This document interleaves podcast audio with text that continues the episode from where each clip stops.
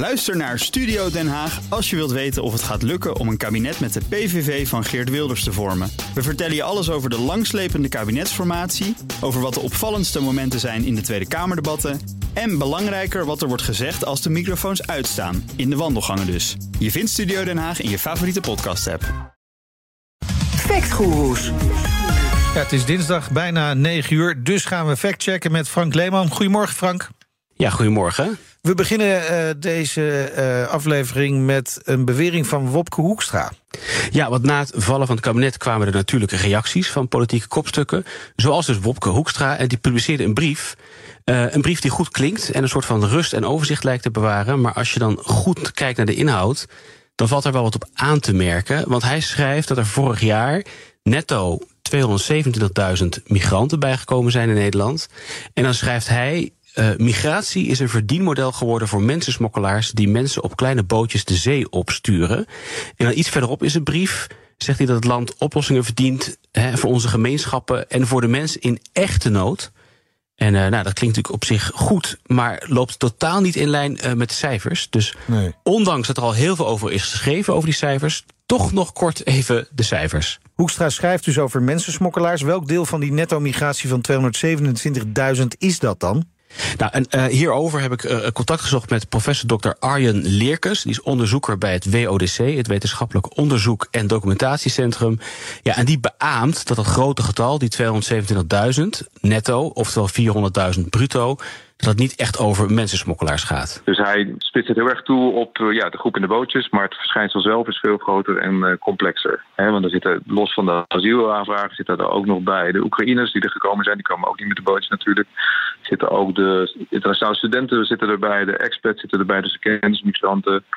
Uh, ja, allerlei groepen. Precies, en wat zijn dan die cijfers die bij die groepen horen? horen? Nou, van de 230.000 immigranten van buiten de EU gaat het om 108.000 Oekraïners. Hè, die komen onder de richtlijn tijdelijke bescherming. Ja. Expats, oftewel kennismigranten, 26.000 mensen. Buitenlandse studenten, 20.000. En gezinsmigranten, 40.000. En dat tezamen gaat dan om bijna 200.000 mensen. Dus het is een hele grote groep die niks met bootjes of mensensmokkel te maken heeft. Nou, en dan zijn er natuurlijk nog de 46.000 asielzoekers, inclusief nareizigers. Die komen wel in aanraking met mensensmokkelaars. En dan zijn er dus nog 130.000 mensen die binnen de EU verhuizen. Hè, onder ja. Schengen of onder de EFTA, een handelsverdrag. Die kunnen hier gewoon vrij heen komen. Ja, dat gaat dan ook om arbeid en, en expats en gezinsredenen en studie. Uh, dus kortom, de heer Hoekstra die, uh, ja, die afgerond 400.000 bruto of 270.000 netto migratie probeert hij te koppelen aan mensensmokkel en bootjes. Hè, alsof migratie alleen maar over vluchtelingen gaat. En niet over ja, alle internationale verhuizers, zou ik bijna zeggen. Dat klopt dus niet. En daarnaast zijn dus die asielzoekers plus nareizers die wel met mensensmokkel te maken hebben. Ja, het is maar een procent of 10 van de totale ja. bruto instroom. Dus het geeft het echt totaal geen goed beeld van de complexiteit van deze uh, migratiesamenstelling. Het heeft ook met feit weinig te maken. Dus hij krijgt uh, een onvoldoende ja. voor zijn brief, voor zijn essay. Ja, enorm gegoochel met cijfers. En uh, voor uh, de gewone uh, luisteraar is dat moeilijk te begrijpen. Maar gelukkig hebben we jou dan om uh, daar in ieder geval duidelijkheid in te geven. Uh, dan even iets heel anders, Frank. Echt iets heel anders, want een paar dagen geleden kwam een onderzoek van de Rutgers Stichting naar buiten. En de kop van het onderzoek is: bijna 1 miljoen Nederlanders overweegt non-binaire geslachtsregistratie via gemeentehuis. En uh, mij verbaasde dat, want het is natuurlijk echt een gigantisch groot getal. Ja. Uh, op social media was er veel twijfel over het getal. En daarom op social media ook veel twijfel over het onderzoek. En ik moet eerlijk zeggen, ik heb zelf helemaal geen kennis van dit onderwerp. Maar weet wel dat de Rutgers Stichting ja, normaal gesproken gewoon hele gedegen ja. onderzoeken doet. Ja, maar hoe is dit onderzoek uitgevoerd? Dit is uitgevoerd door INO Research, ook een goede partij. Ja. En ze hebben dan een panel van 12.000 respondenten uit de database van INO. 97% van die 12.000 respondenten identificeert zich gewoon met het geslacht zoals verkregen hè, via geboorte. Cisgender heet het dan. Uh, en het gaat hier dan om een korte vragenlijst van vijf vragen. En over het doel van het onderzoek en de bevindingen hoor je een van de onderzoekers van de Rutgers Stichting, Fayaz Jumanbaks. Dat is een behoefteonderzoek hè, onder de hele Nederlandse samenleving. Van hoeveel personen behoefte hebben aan een X uh, in officiële documenten. En wat we gevonden hebben is dat ongeveer 1 miljoen Nederlanders de overweging maken om dat via het gemeentehuis te doen in plaats van via de rechter, zoals het nu gaat. Ja, en een van de hoofdbevindingen is dus dat van de totale groep 2,4% van de mensen een aanpassing aan de geslachtsregistratie zou overwegen als het via de rechter moet. En dat wordt dan 6,4 procent als dat van, via de balie bij de gemeente kan.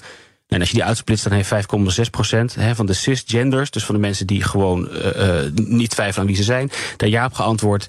En 36 procent van de transgenders. Uh, en dat gewogen levert die 6,4 procent op. En dat is dus grofweg een miljoen mensen. Ja, maar, maar even voor de duidelijkheid. Hè. De, de respondenten wordt hier gevraagd of ze iets zouden overwegen in scenario 1 versus scenario 2. Ja, dat bevestigt toch niet dat mensen thuis hier al actief over na zitten te denken? Nee, ja, exact. En dat was ook de gedachte die, die ik had. Want als je mij dit zou vragen in een enquête... en ik heb dus die behoefte om mijn geslachtsregistratie te veranderen... totaal niet. Maar als ik me dan inleef ja, dan zou ik, zou ik die registratie ook eerder overwegen via een balie bij de gemeente dan via een rechter, zeg maar. Dus dan zou ik me gaan indenken en dan dat invullen. Maar de laatste vraag in die enquête maakt deze overweging wel echt een stuk concreter. Luister maar. En we hebben natuurlijk daarna ook een vraag van hè, hoe waarschijnlijk is het dat je daadwerkelijk ook zult doen. Want we willen natuurlijk ook naar het gedrag kijken en niet alleen naar de overweging. En daar zie je dat het wel een stuk minder personen zijn. Dus daar kom je uit op, uit mijn hoofd, tussen 300 en 500.000 volgens mij. Dus dat, dat, dat wordt dan echt gehalveerd. Ja, dus de, de letterlijke vraag zoals die in de enquête staat is... hoe waarschijnlijk is het dat jij je geslacht in officiële documenten gaat laten wijzigen... in een neutrale optie, als dat aan de balie van de gemeente kan... Dus ja, mensen die daar dan waarschijnlijk of zeer waarschijnlijk kiezen... ja, dat gaat dan niet meer om een beetje inleveren. Nee. Dat gaat dan toch echt wel over jezelf. Ja, en, en dus tussen de 300.000 en de 500.000 mensen uh, lijken dit dus serieus te overwegen. Ja, zeker. En ik vind het dus nog steeds veel, maar dat zegt dus deels ook wat over mijn onwetendheid. Maar het is wel ook een interpretatieding. Want dat mensen overwegen een X, hè, een kruis in een ja. paspoort of zo te laten zetten.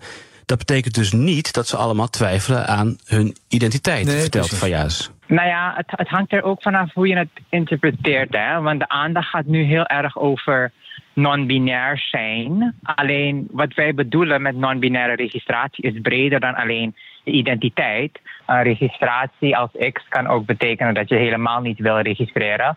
En het zegt eigenlijk weinig over hoe je je voelt als persoon. Ja, dus kortom, daar zit een heel groot deel van die, van die crux, hè, ook van de ophef die op social media ontstond. Het gaat dus om 3 tot 500.000 mensen die het waarschijnlijk noemen een X in hun paspoort te laten zetten als dat makkelijk kan.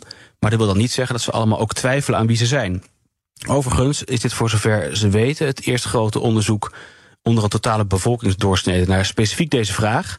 Dus ook in dat opzicht is het niet gek dat het inzicht geeft die ja, we misschien niet verwacht hadden en die wel ook nog uh, bevestigd moeten worden in vervolgonderzoeken. Ja, hoe dan ook uh, waanzinnig interessant. En uh, dit vraagt inderdaad ongetwijfeld om meer onderzoek. Dankjewel. En tot volgende week, Frank Leeman. Ook Thomas van Zeil vind je in de BNR-app. Je kunt live naar mij luisteren in Zaken doen. De BNR-app met breaking news, het laatste zakelijke nieuws... en je vindt er alle BNR-podcasts, bijvoorbeeld Het Nieuwe Geld. Download nu de gratis BNR-app en blijf scherp.